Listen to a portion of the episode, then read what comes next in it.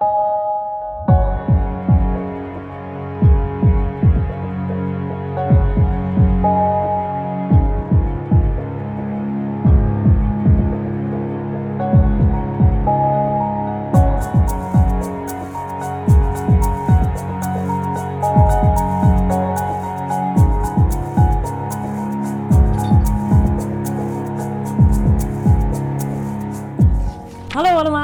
welkom bij Radio Savannah, de tweewekelijkse podcast van Boekwinkel Savannah B. Ik ben Suzanne. Ik ben Lola. Ik ben Jantine. Ik ben de special guest van deze week.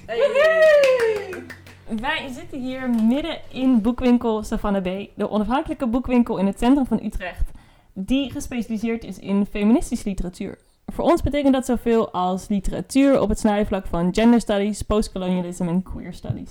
In deze podcast bespreken wij elke aflevering een van de boeken van de maand van Savannah B. Eh, deze aflevering bespreken wij het nieuwste boek van Rudy Meulemans, Een Ander Leven. Mijn reis in de voetsporen van Vita Sackville West, Harold Nicholson en James Lees Milne. En wij bespreken dat nu niet met z'n tweeën, maar met z'n drieën. Namelijk met Jantien, Savannah B, veteraan. Ja, ik ben de Chantine. Ik heb, ben vanaf 2012 werkzaam geweest bij Savannah B tot vorig jaar. Dus eh, om en nabij zeven jaar. Ik eh, begon op de woensdag, ben later op de zondag in de winkel gaan staan. En heb ondertussen van alles gedaan. Onder andere veel fotografie bij evenementen. Af en toe heb ik een kunstwerk bijgedragen aan, eh, aan de winkel. Ik heb de nieuwsbrieven een tijd geschreven, de intro's van de thema-nieuwsbrieven. En eh, ja, ik vind het heel leuk om nog steeds betrokken zijn, te zijn bij de winkel, ondanks dat ik geen tijd meer heb om in de winkel te staan. Dus ik vind het ook heel leuk dat jullie me hiervoor gevraagd hebben. Nog steeds Savannah B fan. En ik ben nog steeds een enorm Savannah B-fan, dus... eh, Voordat we beginnen met ons gesprek, een beetje achtergrondinformatie over Rudy Meulemans, de auteur van het boek deze keer. Rudy Meulemans komt uit de theaterwereld. Hij leidde al 25 jaar zijn eigen theatergezelschap De Parade, waar hij ook verschillende toneelstukken voor schreef. Drie jaar geleden, in 2017, verscheen zijn literaire non-fictiedebuut Voorbij de Grenzen. Een reis door een verborgen schrijversleven. Over de Amerikaanse schrijver Glenway Westcott. En nu dus eh, dit boek, Een Ander Leven, in de voetsporen van een andere schrijver, of groep schrijvers eigenlijk, in Engeland dit keer. Het uitgangspunt van dit boek is dat Rudy Meulemans onderzoek deed, of doet, heeft gedaan naar Vita Sackville West en haar man Harold Nicholson en hun vriend James Lees Milne die door Zuid-Engeland zijn gaan reizen. En eh, Vita Sackville West was een schrijfster en een ja, aristocratisch, intellectueel, artistiek type. tuinier, fan, die in de jaren 20 ook eh, bij de Bloomsbury Group betrokken was. En die nu bij het bredere publiek bekend is als een van de liefdes van, een van de grote liefdes van Virginia Woolf. En zij was getrouwd met Harold Nicholson en zij hadden een, een open huwelijk samen. Dus we, deels wat je in het boek ook volgt zijn verschillende liefdes, ex-liefdes eh, van, dat, van dat echtpaar. En zij gaan dus op reis met hun vriend James Lees Milne. En hij is een ex van Harold en een goede boezemvriend van hun beiden. En hij is betrokken bij de National Trust. De organisatie in Engeland die alle landschappen, landhuizen, kastelen, natuurgebieden in Engeland en met name ook op het platteland behoudt en beheert. James is daar een, een, een belangrijke persoon in geweest binnen die National Trust. En zij gaan dus met z'n vieren op reis. Ja, wat op reis? inspectie. Een soort van inspectiedoortocht. Allerlei eh, landhuizen langs in, even kijken, even spieken, 1947. Door omstandigheden komt Rudy Meulemans erachter dat zij die reis hebben gemaakt. En hij gaat uit interesse voor deze figuren en hun, hun onderlinge relaties en uit liefde voor Engeland en de Engelse cultuur denkt hij: oké, ik ga dat onderzoeken hoe zij die reis hebben afgelegd en ik ga dat nabootsen eigenlijk. En dan kijk hij, hij gaat ook echt proberen om op dezelfde plekken te slapen en in, dezel, in hetzelfde tempo die reis af te leggen. Om onderzoek te doen naar hoe staat het er nu eigenlijk voor met die, die National Trust gebieden eh, en, en, en huizen. Wat is daar gebeurd? Wat waren de beweegredenen van deze mensen? Wat wa- was hun onderlinge relatie? Dat doet hij niet alleen, dat doet hij met zijn man.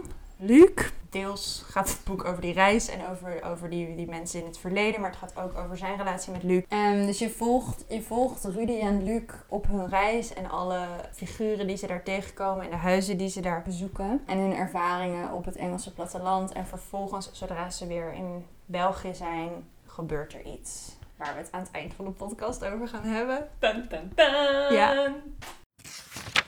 Dit boek, Een Ander Leven, is een van de titels die wij geselecteerd hebben in onze eh zomerlezen campagne, Savannah Zomerlezen. Dit zijn dus allemaal boeken die je fijn kan lezen als je dan wel in quarantaine een staycation aan het houden bent, dan wel toch misschien nog net over de grens in België of Duitsland eh, ergens een strandje weet te vinden. En Dat je een beetje weg kan dromen naar andere plekken, dat je je op vakantie kan lezen. En ik denk van alle boeken die hier liggen, ze gaan heel veel wel over andere plekken en over andere culturen, et cetera. Maar dit is van alle boeken wel het meest echt heel expliciet een reisboek. Nou, het is natuurlijk een reisboek omdat het gaat over twee reizen.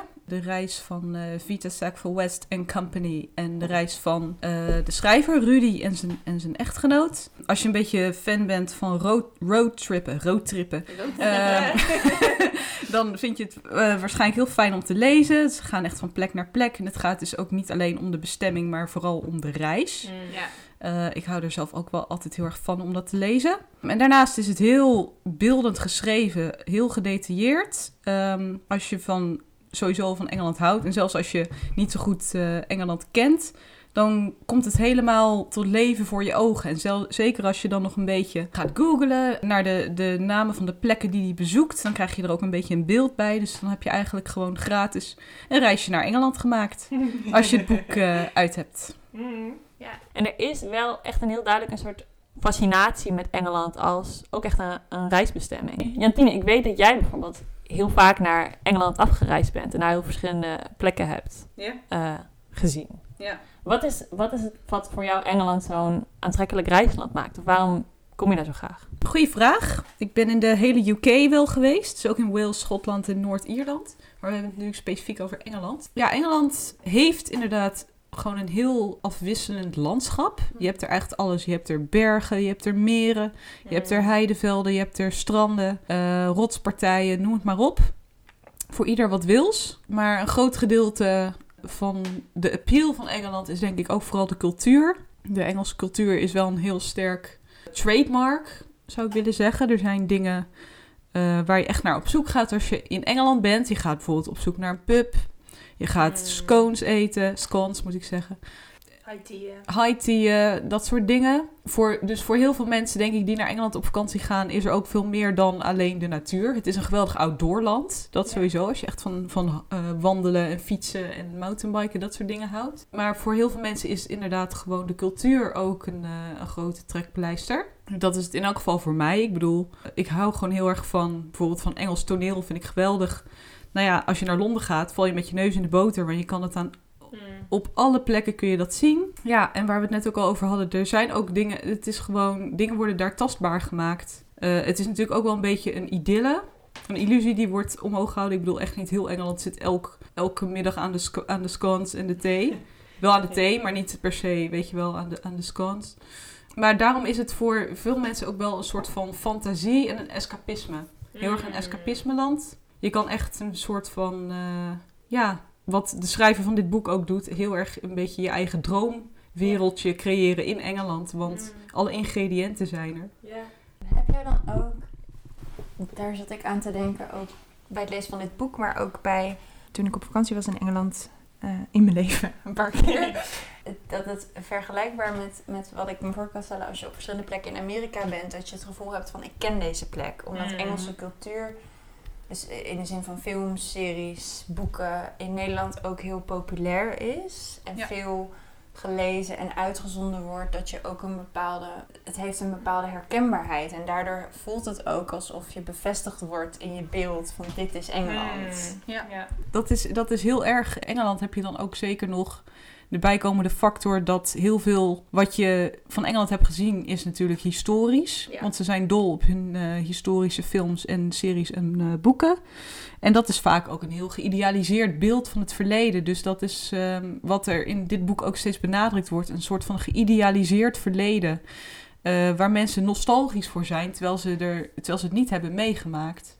Terwijl ze niet echt weten hoe het is. En dat eh, kun je dus inderdaad als buitenlander... Rudy Meulemans is een, is een Vlaming, wij zijn Nederlanders. Als buitenlander kun je dat ook hebben. Terwijl je niet eens...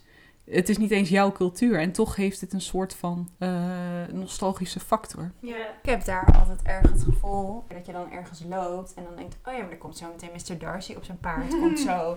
Dat, dat is natuurlijk dat is absurd om te bedenken, maar dat, dat gevoel dat dat daadwerkelijk zou moeten kunnen, want je bent in dat landschap en dat is wat daar gebeurt. Ja. Ja. Je gaat er ook op zoek de hele tijd naar die bevestiging. Ja, Want je, Jantine, Ja. wat je al zei, van je wil dan ook in een pub. En dan moet ook een echte pub met precies dat hout. En dan moet je te grote biertjes drinken aan een bar met geen schuim. En dat hoort allemaal bij. En als je dat niet zo is, is het ook een beetje een teleurstelling. Ja. Dus ik kan me voorstellen dat dat land er ook heel erg in investeert om dat beeld hoog te houden. Omdat dat is het beeld van Engeland wat mensen willen zien. Ja. En vanuit, vanuit mijn eigen interessegebied is dat dus heel leuk. Want ik heb heel lang onderzoek gedaan naar pelgrimages. En dat nodigt natuurlijk heel erg uit tot dat soort reizen. Eh, omdat je van tevoren al een beeld hebt van een soort, nou ja, sacraal of niet sacraal, maar in ieder geval een soort betekenis of een soort cultureel narratief waar je naar verlangt. En dat je dan gaat afreizen om dat te vinden. En ook precies dat natuurlijk wilt gaan vinden. Ja. En Engeland en de Engelse cultuur heeft zoveel van die culturele referentiepunten. Maar wat, wat daar eh, interessant aan is, omdat we zijn natuurlijk ook als boekhandel misschien een, een kritische noot. En als mensen zie ik ons ook wel als kritische noot. En dit is natuurlijk een verlangen wat zo behoudend en conservatief is. Ja. En het is wel grappig om te zien hoe, ook bij mensen die misschien toch ook wel kritisch naar de wereld kijken, dit behoudende nostalgische verlangen zo romantisch is en zo aantrekkelijk is en zo fonkelend is. Inderdaad, omdat het eh, politiek gezien ontzettend problematisch is. Ja, zeker. Het hangt denk ik heel erg samen ook met dat het een bepaalde vorm van escapisme biedt. Zeker als niet-Engelse kijker, lezer. Het biedt denk ik als Nederland ook op een bepaalde manier van nou, hier is dat niet zo. Het geeft je als Nederland ook een beetje een soort, als Nederlander, althans vanuit mijn eigen perspectief, soms een beetje een vrijbrief om eh, dan lekker te verdwijnen in dat getut van die Engelsen over wat voor messen en vorken je mo- moet, wel of niet moet gebruiken voor welk diner of zo. En dat is heel aantrekkelijk. Het leidt je gewoon heel erg af op, op een expres, intentionele manier van het hier en nu. En Mm. omdat wij dus ook nog eens niet in Engeland wonen, is dat Mm. extra. Ja.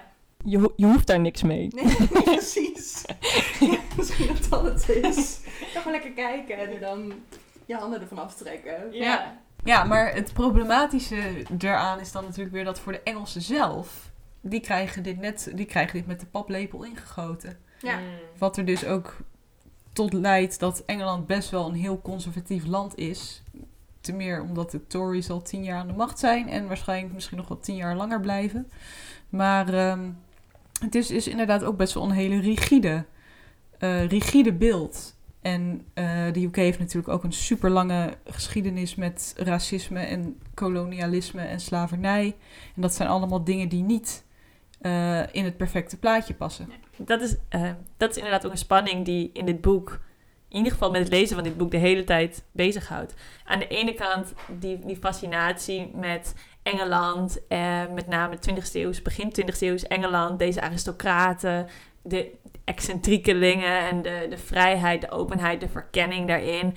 En aan de andere kant het zwaar behoudende, conservatieve, nostalgisch terugkijken en krampachtig vasthouden van wat eh, deze klasse van mensen als schoonheid ziet.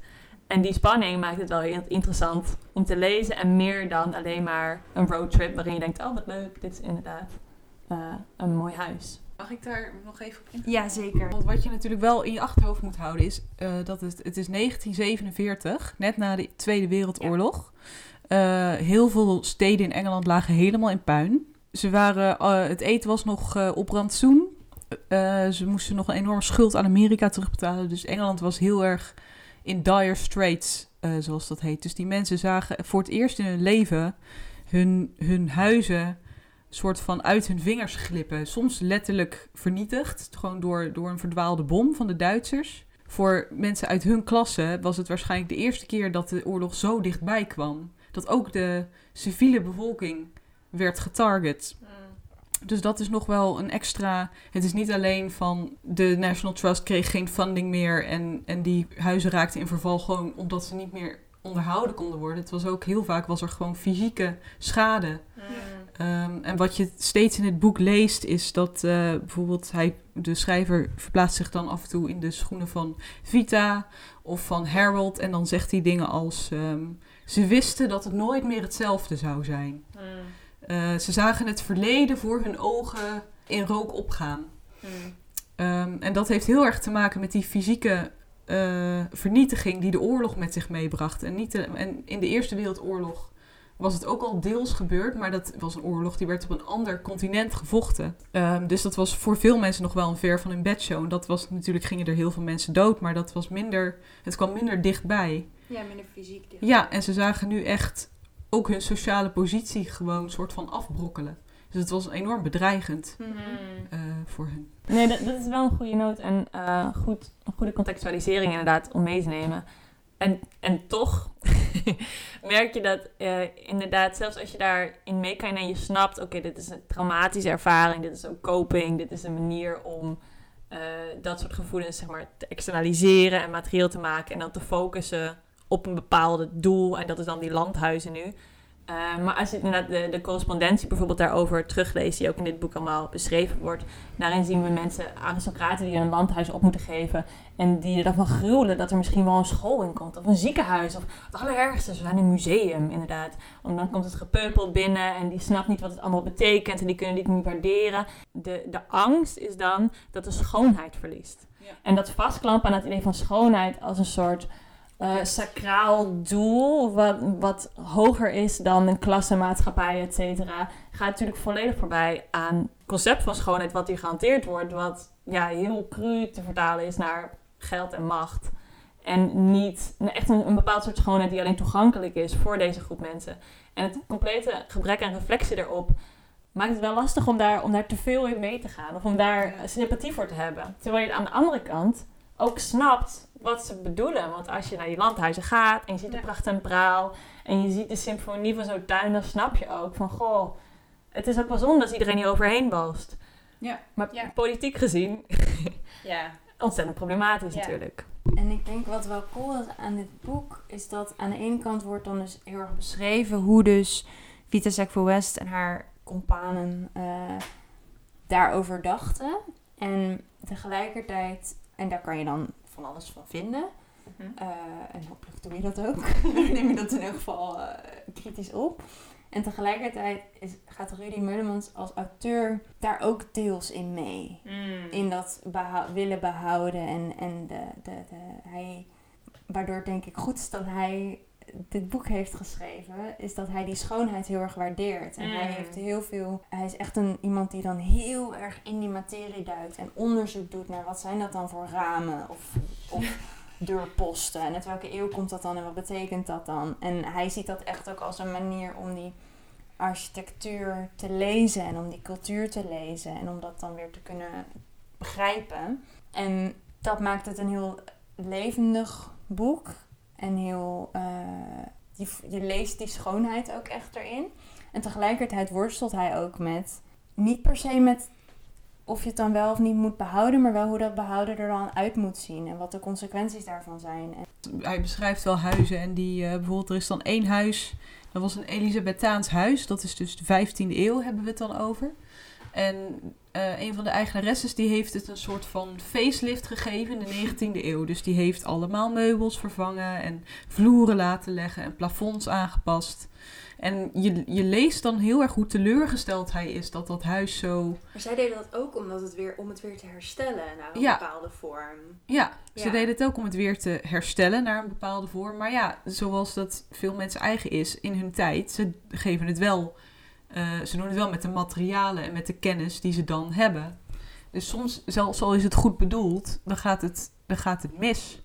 Maar je vraagt je natuurlijk ook af, is het, is het nodig om het zo authentiek te willen hebben? En wat is authentiek? Wie bepaalt dan of het authentiek is? Ja, want dat... Want je kan, ja. je kan niet meer materialen uit de 15e eeuw. Je vindt misschien ergens een keer een stoel, ja. maar dat is gewoon niet mogelijk. Dus het is noodgedwongen altijd niet authentiek. Maar de, het feit dat, dat er dan zo ingezet wordt op authenticiteit, dat die landhuizen maar zo authentiek mogelijk gehouden moeten worden, dat zegt natuurlijk ook wel iets over ja, hun doel. Want in mijn ogen heeft de National Trust ook wel een hele educatieve functie. Maar ja, voor, ja wederom, wie? voor wie is het educatief? Is het, e- gaan, er, gaan er Londense schoolklassen, die gaan dan, zie ik zo voor me wel eens naar, eh, naar landhuizen toe op schoolreisje. Dan ben ik wel benieuwd, wat leren ze? Ehm, waarschijnlijk niet zoveel over, de, over het interieur en de architectuur als Rudy Meulemans eh, weet. dat kan bijna Ehm, niet. Maar het is inderdaad. De Eng- Engelse cultuur draait naar mijn idee heel erg om het behouden van die illusie van ooit was het zo. Dit is een authentieke manier van leven. Ehm, waar we allemaal naar moeten streven. streven. Zelfs al is het dus gedeeltelijk een illusie, hebben mensen toch zoiets van: ja, maar dan geloven we dat en dan vinden we dat wel prima. Waar, wat jij net omschreef, dat Elisabethaanse huis. Wat ik heb omschreven als de verbouwingssoap. dan, eh, dan heb je dus die eigenaresse op een gegeven moment. Die maakt het Elisabethaans. Dan komt James Eh, ons, van, ons, eh, van ons trio, die komt dan vanuit de National Trust er. Die gaat het dan weer herstellen op een andere manier. Op een nog authentiekere manier. Eh, daar doet hij dan heel erg zijn best voor. Vervolgens in de jaren 70 gaat iemand ook vanuit de National Trust het weer herstellen naar hoe het was toen die vrouw die het in eerste instantie had hersteld, hoe die het had hersteld. Ja. En nu is het weer anders. Dus dat, dat huis is ook eigenlijk een soort van bijna een parodie. Het had ook een Monty. Python sketch kunnen zijn, dat huis. Ja. Van, waar, wat zijn we aan het herstellen? Wat betekent herstellen nog? Wat zijn we aan het behouden? Wat is authentiek inderdaad? Ja. Als je dat een leuke anekdote vindt, dan gaan jij en Rudy het helemaal met elkaar kunnen vinden. ja, zit het vol mee. Het is natuurlijk ook gewoon het feit dat er heel veel projectontwikkelaars zijn met geld. Hier in Nederland net zo goed als in eh, Engeland. Die eh, zomaar dingen platgooien die echt wel historische waarde hebben. Omdat er maar meer winkels, winkelcentra moeten komen en meer appartementen en eh, weet ik wat allemaal. Dus het is wel, natuurlijk is het, is, het, is het goed, maar het is altijd zo'n vraag van wie bepaalt wat waarde heeft. Vaak zijn het de mensen met geld. En die zeggen dan, nee, dit eh, heeft geen waarde, eh, we breken het af. Maar het lijkt bijna een soort ehm eh, red de banken verhaal dan. Dat we instituten hebben Ja. die voor ons zo vanzelfsprekend zijn, dat we niet kunnen voorstellen dat ze verdwijnen. Ja. En dat we daarom met belastinggeld, neem ik aan, National Trust, Ja. dit soort instituten aan het redden zijn. Ja. eh, met de retoriek van, oh, dit is juist voor het volk en juist voor de mensen, waar de National Trust natuurlijk ook op gebaseerd is. Ja. Wat eigenlijk natuurlijk, in de, als het erop aankomt, Absurd is. ja, Ja. en helemaal niet het idee nog eh, de uitkomst is. Ja, plus die rijke adel die blijft gewoon lekker daar wonen. Dus dit, dit is een beetje anders. En die hebben een andere rol, maar die wonen ondertussen nog steeds in hun landhuizen. Ja. Ja. Met hun hondje en, Oh. en zo. Ja, maar er zijn ook eh, mensen die van adel zijn, die nog wel in die huizen wonen, maar die inderdaad gewoon niet meer het geld hebben. Want het familiefortuin raakt, op- raakt op een gegeven moment op. Maar ze erven wel dat huis. Dus dan heb je een gigantisch huis, Ja, wat moet je wat helemaal uit elkaar valt. Ja. Eh, De vraag blijft dan ook inderdaad, als je die landhuizen openstelt voor het grote publiek, halen die er dan hetzelfde uit als wat een Rudy Meulemans eruit haalt? dat kan bijna Dat kan bijna niet. Nee. Dus dan ga je ook denken, ja, dan is het inderdaad een instituut dat behouden blijft. Omdat er toch genoeg mensen zijn die zeggen, we willen dit in stand houden. Maar ja, hoe lang blijft dat zo? Want dat zegt het boek ook, alles gaat voorbij. Ja. Ehm, verval is, eh, is onvermijdelijk Ja, en kan verschillende vormen en kan verschillende vormen hebben. Maar Mm. ja, het is toch, eh, en daar komt denk ik ook heel erg die nostalgie vandaan. Van ze weten al dat het, dat het niet eeuwig kan, kan duren, al willen ze het nog zo graag. En daarom is er al een soort van nostalgie voordat het überhaupt voorbij is. Ja. Mooi. Ja. En wat dit boek meer maakt dan alleen een interessant boek over eh, Engeland, erfgoedbeheer, inderdaad, eh, is dat dat hele concept van behouden ook een heel persoonlijke noot krijgt. En met name een heel romantische noot. En Ehm, misschien een mooi voorbeeld daarvan is... ehm, op een gegeven moment vertelt Rudy dat eh, Vita en Harold, onze Vita en Harold in het boek... die dus getrouwd zijn, maar met wat we nu een open huwelijk zouden noemen... ehm, vertellen over een huwelijk en wat een goed huwelijk is. En Harold zegt dan... Een huwelijk is niet een conditie, maar een proces. Een huwelijk is niet iets wat eenmaal wordt beklonken en dan voor altijd zo blijft. Maar het is iets wat steeds verandert. Wat misschien een keer misgaat. Wat misschien een keer goed gaat. Een andere vorm krijgt, et cetera. Maar door al die veranderingen heen nog steeds wel blijft bestaan. En dat is een heel andere kijk op behouden dan we bijvoorbeeld zien in, in de National Trust. En als we het nu, waar we het hebben gehad over authenticiteit en precies zoals het ooit gemaakt en bedoeld is, inderdaad precies in die vorm, in die conditie te behouden. Maar als een proces iets wat steeds verandert, dat misschien een andere vorm krijgt, maar daardoor niet verloren raakt, nog steeds behouden blijft, maar telkens op een andere manier. Ja, want wat je heel erg ziet in dit boek bij met name de relatie tussen Vita en Harold, maar ook later wel ehm, bij, bij Jim, is dat zij echt levenspartners zijn. Het is echt een zo van soulmates, die wel echt heel erg till death do us part, zeg maar. Ja. Maar dan op een manier die... Dus aan de ene kant is het dus dat hele, nou ja, wat traditionele, zeg maar, wat aan een huwelijk zit. Maar zij breken dat, ze, ze- ze knippen dat op en, en doen er een strik omheen. En Ja. hebben allemaal eh, uitstapjes en, en een vorm van polyamorie en, en eh, fluiditeit in hun relaties en gender en eh, noem maar maar op. En dat, dat contrast tussen aan de ene kant dat traditionele en dat hele opene, wat ook nu nog in veel, op veel plekken als heel radicaal gezien wordt. Dat is echt super interessant aan dit boek, vond Mm. ik. Ja, Ja. Dat spreekt enorm tot de verbeelding ook. Ja. eh. Ja. Dat maakt het ook heel levendig en eigen tijds. Ja. Dat hangt ook samen met de reis, het reisaspect ervan. Want zij gaan dus eigenlijk op tour langs allemaal landhuizen. En tot op zekere hoogte is dat ook een tour langs allemaal liefdes, ex-geliefdes, Mm. andere mensen die, die ja, wat, wat je een soort van de adellijke queer community kan noemen, denk ik. Eh, de, Britse, de Britse adellijke queer community. Die ga je ook langs. Dus je leert ook wel op een, op een relatief oppervlakkige manier leer je ook die mensen kennen. Ja. Ehm, Meer dan alleen Virginia Woolf. Ik had na het lezen van dit boek ook wel het idee dat al die aristocraten allemaal queer waren en het allemaal met elkaar deden. en dat ze continu in dat het grote huishuis van, van slaapkamer naar slaapkamer hobbelden, want iedereen was geliefd dus van iedereen. Dat Ja. is wel Ja. de, de, de impressie die ik een beetje kreeg van het leven. Ja, wat denk ik niet helemaal zo is. Wat ook aan die relatie nogal mooi tussen die drie, is dat Harold en James, Harold en Jim, hebben ook een, eh, een romantische relatie gehad.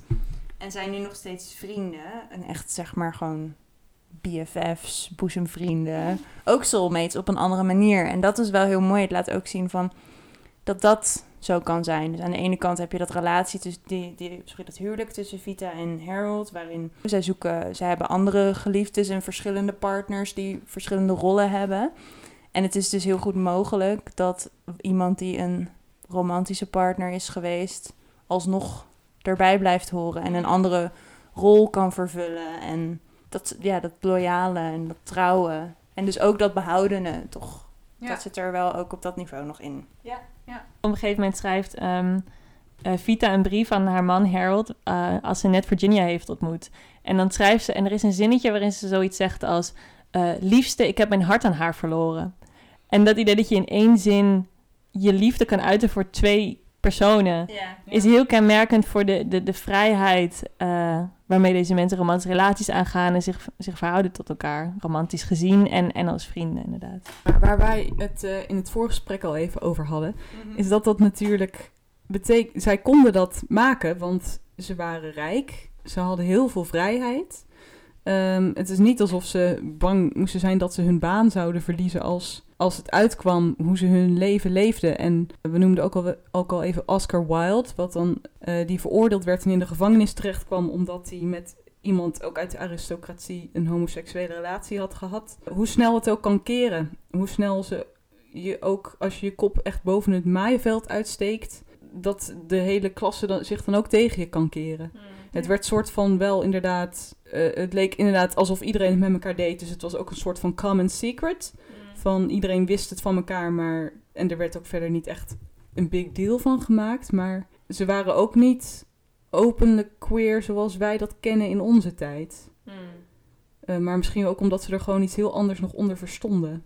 Het was letterlijk illegaal toen nog. toch? Volgens mij was het inderdaad tot, tot en met 1960 of Ja, de jaren ja. 60 was het illegaal om homoseksueel te zijn. Ja, In Engeland dus uiteraard hield iedereen het onder de pet. Ehm, ik weet niet of het voor vrouwen net zo gold als voor mannen, maar ja, want ik denk, maar aan de ene kant ze, hadden zij het honderd keer zoveel makkelijker, of niet honderd, maar veel makkelijker door hun klasse. Mhm. Maar het zal ook niet makkelijk altijd geweest zijn nee, dat denk ik. om zo buiten, de, buiten de gebaande paden te leven. Nee, waar dit boek dus niet over gaat, eh, is de, de, de struggles en de complexiteit die bij een queer leven komen kijken. Dit is een boek waarin, eh, ja, we noemen het nu queerness. Dit is helemaal niet het woord dat het boek gebruikt of die deze personages of mensen vroeger eh, gebruikten. Maar laten we zeggen fluiditeit en openheid in relaties, eh, seksualiteit en ook gender. Het is niet een boek daarover en over de worstelingen die daarmee komen, de mogelijkheden die daarmee komen. Het is echt een, een, een verhaal van viering, van vrijheid en van liefde en van hartstocht. Omdat het inderdaad niet een boek is wat gaat over worstelingen en struggles en et cetera, zit er dus ook niet per se een kritische dimensie in die Jantine nu net wel aankaarten over de, de vrijheid die deze mensen ervaren in hun seksualiteit en in relaties, et cetera, in contrast met hun conservatieve houding als het bijvoorbeeld gaat over klasse en rijkdom en wie welke positie in de samenleving heeft. En het is heel erg het genieten van een vrijheid en op andere manieren die vrijheid ontzeggen aan andere mensen waar je niet in herkent, niet tot dezelfde sociale cirkel als jij behoren.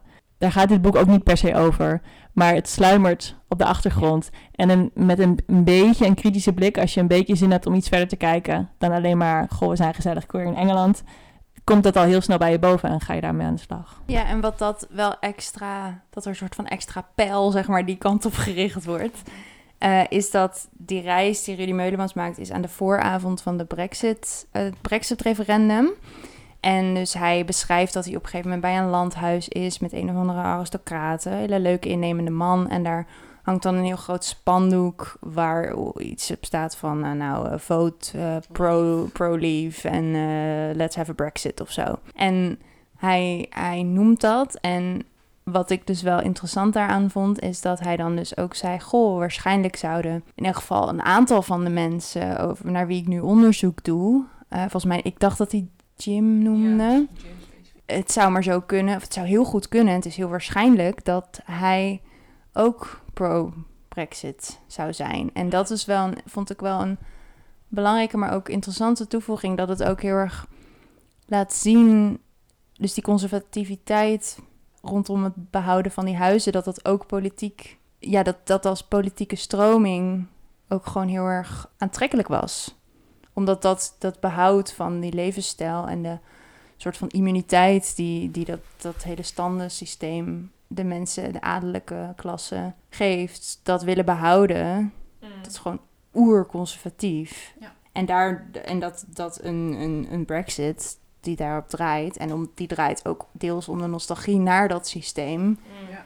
dat die dus voor, voor deze personages die super vrij zijn in bepaalde delen van hun, van hun leven en identiteit, dat dat voor hun heel mooi zou zijn, aantrekkelijk. Ja. En ook was. Sorry, ik blijf maar even nog even doorpraten. maar het, noemt ook kort, het, het boek opent met korte biografieën. Een soort van biografische passages over, over dus onze drie eh, hoofdpersonages. Dus Vita, Harold en James. En het beschrijft, het beschrijft ook dat in elk geval James en Harold bij de eh, fascistische Britse partij betrokken waren. In elk geval in de jaren dertig. Ja, Dus dat- is echt openlijk fascistisch. Ja, ja, ja. En dat dat gewoon een hele aantrekkelijke politieke beweging was. Juist voor die adellijke groep. Ja, omdat, omdat eh, die, die eh, partij die was heel erg anticommunistisch. En communistisch, de communistische partij was natuurlijk die van de arbeiders. En Hitler streed daar natuurlijk ook heel erg tegen, tegen de communisten. Dus dat was voor hun bedreigend. Ja. Ze ze wilden helemaal niet dat, dat het gepeupel aan hun landhuizen kwam. Ik geloof dat jij dat zei, Suzanne, van er is een soort van klasseoverstijgend ideaal van schoonheid. Maar het is natuurlijk helemaal niet klasseoverstijgend. Want Ik kan me niet voorstellen dat mensen die in een staalfabriek werkten, dat die helemaal lyrisch worden over een marmeren Cupido. En dat is denk ik wat nog steeds, die tweedeling is nog steeds wel aanwezig in, in, in de UK. En daar komt natuurlijk weer de vraag bij kijken. Voor wie worden die huizen behouden? Ik, ik weet toevallig dat de, de Tory-strategy van de Brexit was ook al heel erg eh, dat een beroep doen op mensen hun nostalgie naar dat, dat gouden Engeland, dat verloren Engeland, eh, waarin alles eh, koek en ei was. Maar ondertussen staan die landhuizen wel vol met meubels uit China en Italiaans marmer en Franse meubels. En, en, en dat is dus allemaal gebouwd, of het komt allemaal voort uit inderdaad het imperialisme van, van Groot-Brittannië en, eh, en hun koloniën. Die ze natuurlijk niet meer hebben. Dus daarom is het, eh, is het ook echt het verleden dat er niet meer is. Maar toch blijven ze daar dan toch maar weer naar teruggrijpen. Van, oh ja, zo was het vroeger. Ja, en wel echt de, de, de oogkle het Ja. oogkleppen verleden. Eh, Heel erg het- het oogkleppenverleden, wat wij hier in Nederland ook wel hebben. Van, oh ja, de, de tijd van de koloniën, dat was zo'n geweldige, welvarende tijd. Maar ja, het was natuurlijk voor heel veel eh, mensen die in Groot-Brittannië wonen ook een hele pijnlijke tijd. Een tijd van trauma en, en juist dat hun cultuur gestolen werd door, door de, de Britten. En ook wat je, wat je net ook al aanstipte, het idee dat dat een, een soort pure Engelse accomplishment was. Volledig. eh dat idee van ehm, British made is best. Of ik weet niet precies wat de slogan is. Inderdaad, maar wat je van, wat je van thuis haalt is best. Ik weet niet precies. Dit zeggen de Engelsen beter dan ik. Maar dat, dat moet ik ze wel geven. Maar en, en, en eh, terwijl inderdaad deze huizen drijven bij import slash stelen van plekken buiten Engeland. En het volkomen negeren van die diversiteit daarin. Het claimen van iets alsof het jouw, jouw, jouw erfgoed is, inderdaad. Ja, het ontkennen van al dat geweld. Ja, het ontkennen van al dat geweld daarin. En ik denk wat in het kader van dit, dit gesprek wel heel belangrijk is om te benadrukken, is dat dit soort referenties of kritiek op het systeem niet heel uitgebreid in het boek aan bod naar voren komen. Dus wel de, de, de connectie naar Brexit, maar de koloniale geschiedenis van Engeland en de, hoe dat door echoot eh, tot en met vandaag de dag. Zo diep gaat het denk ik niet op, op soort van de, de problematiek van het behouden en van het erfgoed en de, de soort van het concept van de Engelse identiteit of de illusie van de Engelse identiteit in. Dus het is wel echt een boek wat heel erg bezig is met het idee van nostalgie en schoonheid en behoudenheid. Maar die kritische notes en de, en de bigger picture moet je er deels zelf bij halen. En wij zullen wel wat dingen in de show notes zeggen. Sure. De- waar, waarvan wij denken dat het je misschien op weg kan helpen. Oké, dit is dan dus het punt waar we de spoiler gaan geven. Moet een mooie tune hebben Oeh, spoiler! Dat is wel waar het boek op zijn plek valt. Mm. En eh, daarom is het dus wel, tenminste vind ik het wel fijn om het genoemd te hebben, om het te bespreken. Ehm, maar als je nou denkt, ik wil dit allemaal niet weten, dan even afkappen nu. Eerst het boek uitlezen en dan dit verder afluisteren. Ik ga even een klein stukje van de achterkant voorlezen, want daar wordt het eigenlijk samengevat. Het gaat over, hij reist, eh, hij reist historische figuren achterna en dan staat er... Gaandeweg wordt duidelijk hoe kwetsbaar het verleden is... tot er plots aan het eind van Meulemans reis iets gebeurt wat zijn leven op zijn kop zet. Dan dringt de vraag zich onherroepelijk op... is het überhaupt mogelijk om dingen vast te houden? En wat, dus, wat er dus ge- eigenlijk blijkt uit zijn ervaring... Is dus- Ja, dat, dat kan dus niet. Vind je toch een sound effect? En dan- Dat kan dus niet, want wat er gebeurt is zijn, zijn man, Luc, eh, het is hun laatste avond, ze zitten in een restaurant en ze zien hem daar een man en dan gaan ze terug naar Brussel en dan zegt Luc, goh, ehm, ik moet je wat vertellen. Ik heb s s'avonds, die laatste avond, heb ik die man op Grindr gesproken, we zijn verliefd, ik ga, van je, ik ga bij je weg.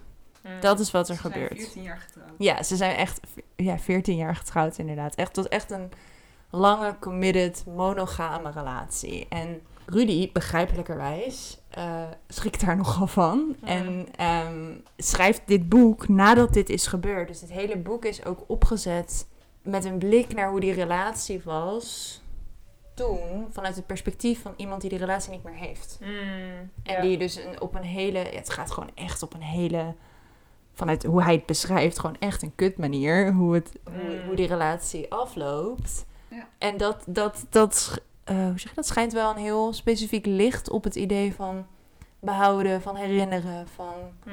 een soort van monument bouwen voor dat wat er was. Mm. Ja. En, en ook een soort kritiekloos terugkijken, inderdaad. Als het net uit is met een relatie, dan lijkt het alsof diegene de liefde van je leven was. Je vindt nooit meer zo'n mooi iemand. Er was niks mis aan de relatie. Alles was goed. En je, nu, nu ben je het kwijt en je kan het nooit meer terugvinden. En het drama daarvan Dat is snoeihard gedumpt gewoon. snoeihard gedumpt. Ja. Ja, en vooral als je dat dan op het eind als een soort van klapper op de vuurpijl leest en je zet dat in perspectief tegen de relaties in, die in het boek worden geschreven tussen Vita en Harold en Jim.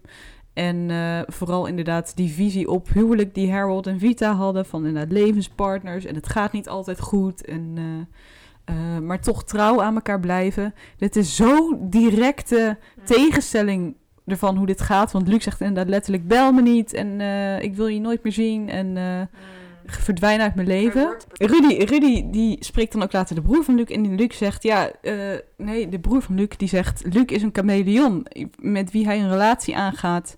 Die eh, diens hobby's en interesses en levenswijze neemt hij over. Want de man voor wie hij Rudy verlaat is diep eh, religieus. En Luc is dan ook opeens heel religieus. En Rudy ziet dan ook wel van, oh ja, hij kleedde zich eerst heel anders, maar toen hij een relatie met mij kreeg, ging hij zich opeens net zoals mij kleden. Door het hele boek loopt een soort van idee van theater spelen. Weet je wel, de mensen die in die landhuis wonen, spelen theater eigenlijk. Eh, van eh, hoe zij willen dat het leven is. Dat kan heel makkelijk, want ze hebben het geld en ze hebben de tijd. En Luc is dus ook iemand die voortdurend theater speelt. En omdat eh, Rudy toch inderdaad best wel op een. Hij, hij schrijft dus over zijn relatie met Luc en zijn reis met Luc. Vanuit het perspectief van het is nu uit. Maar toch schrijft hij erover alsof ze nog steeds bij elkaar zijn. Alsof zo van, dit is voor altijd en dit voelt, dit voelt goed en Luc houdt van mij en eh, we passen zo goed bij elkaar. Maar ja, Luc is dus eigenlijk helemaal niet wie die is. Eh, dus, dus dat idee van de illusie die verdwijnt, dat heeft niet, is niet alleen van toepassing op het leven in deze landhuizen en de landhuizen zelf, maar ook op, op zijn eigen relatie en zijn eigen manier van leven. Van 14 jaar eh, geluk en leven in die, op zoek naar de, naar de schoonheid eh, van het leven. Ja. En Rudy is zelf natuurlijk ook theatermaker, wat ik Mm. nog wel een extra laag vind. Eh, het hele idee van acteren en, een, en Engeland als decor voor, eh, voor mensen hun dromen. Het maakt hem als, als schrijver en als verteller en als gids eigenlijk door dit, door dit verhaal ook menselijker of zo. Of in elk geval, Precies. ja, dat vond ik wel, eh, want het, het is een heel, ehm, een boek met heel veel informatie. En ja, ik ging dan, dat klinkt heel dom, maar, maar hij is, hij is heel, heel duidelijk een, een detail-oriented persoon. En ineens dacht ik, oh ja, maar dat ga je natuurlijk doen. Als je dan zo'n break-up hebt gehad, dan ga je je vastklampen aan dat soort dingen. Aan de feitelijke details en aan eh, waar waren we toen. Want daar heb je nog grip op en zo. En Ja. ja, echt, eh, ja, het maakt... Poëzie. Ja, maar dat, dat... Ja, ik begreep het boek ineens beter daardoor.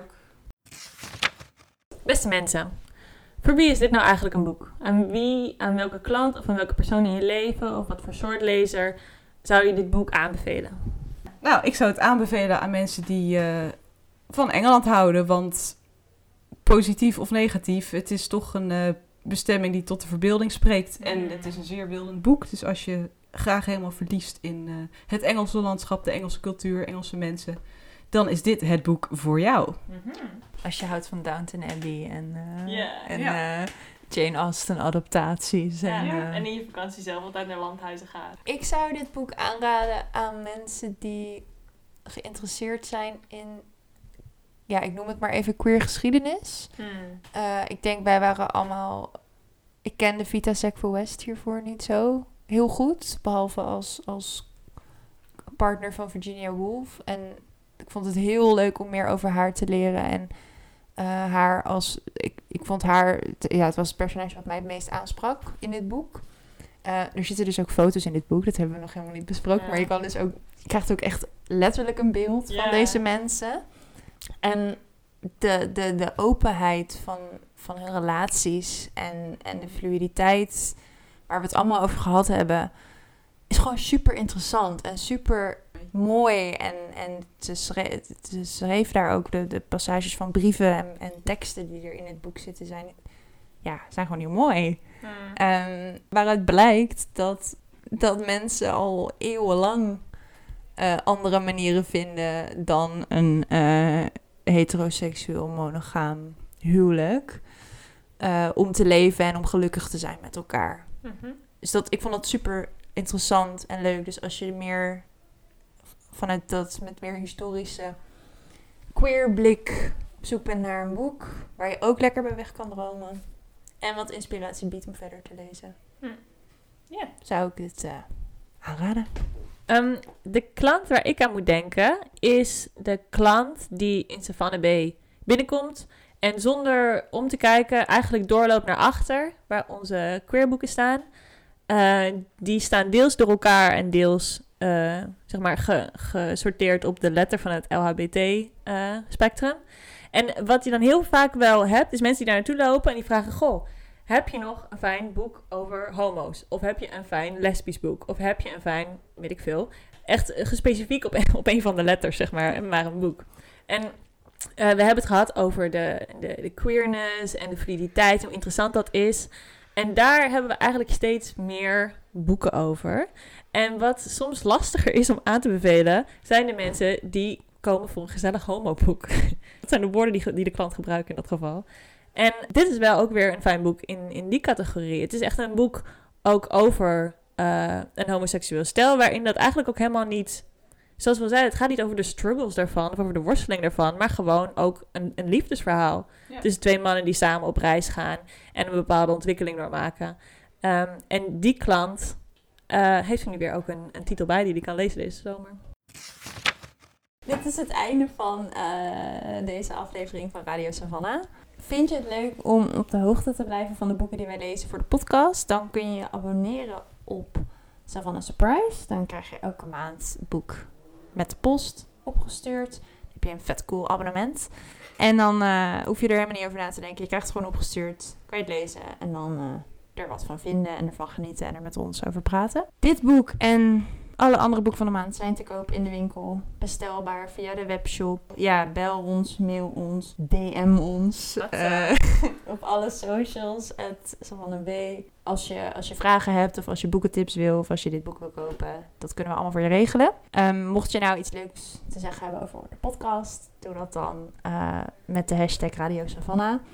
Je mag ook een mailtje sturen of een recensie achterlaten. Dat vinden we allemaal, allemaal echt enig. En dan kunnen we kletsen over dit boek of eh, kun je vertellen wat jouw lievelingsplek in Engeland is. Of eh, vertellen hoe vet je Vita Sexville West vindt. En dan zeggen wij, wij ook. Volgende keer, ja, we zijn helemaal hout in de boter en oh my god, oh my god. Want net vandaag binnengekomen is de nieuwe Ellie Smith, Summer, de laatste in haar vierdelige seizoenenreeks. En die gaan we natuurlijk heel snel lezen en dan willen we hem heel graag met jullie bespreken. Dus dat is de volgende aflevering. Eh, voor nu zeggen wij dus adieu. We bedanken natuurlijk nog heel hartelijk Rieke Blom voor het maken van onze logo. En Looks dat we een deel uit zijn nummer Joan mogen gebruiken voor onze team music. En natuurlijk bedanken wij met heel ons hart vanuit onze tenen Jantine dat je hier bij ons was. Super fijn en hartstikke bedankt voor je verhalen en je inzichten en je, en je kritische blik. Super leuk dat je erbij was. Dankjewel, superleuk om hier te zijn. Tot de volgende keer. Bye. Doei!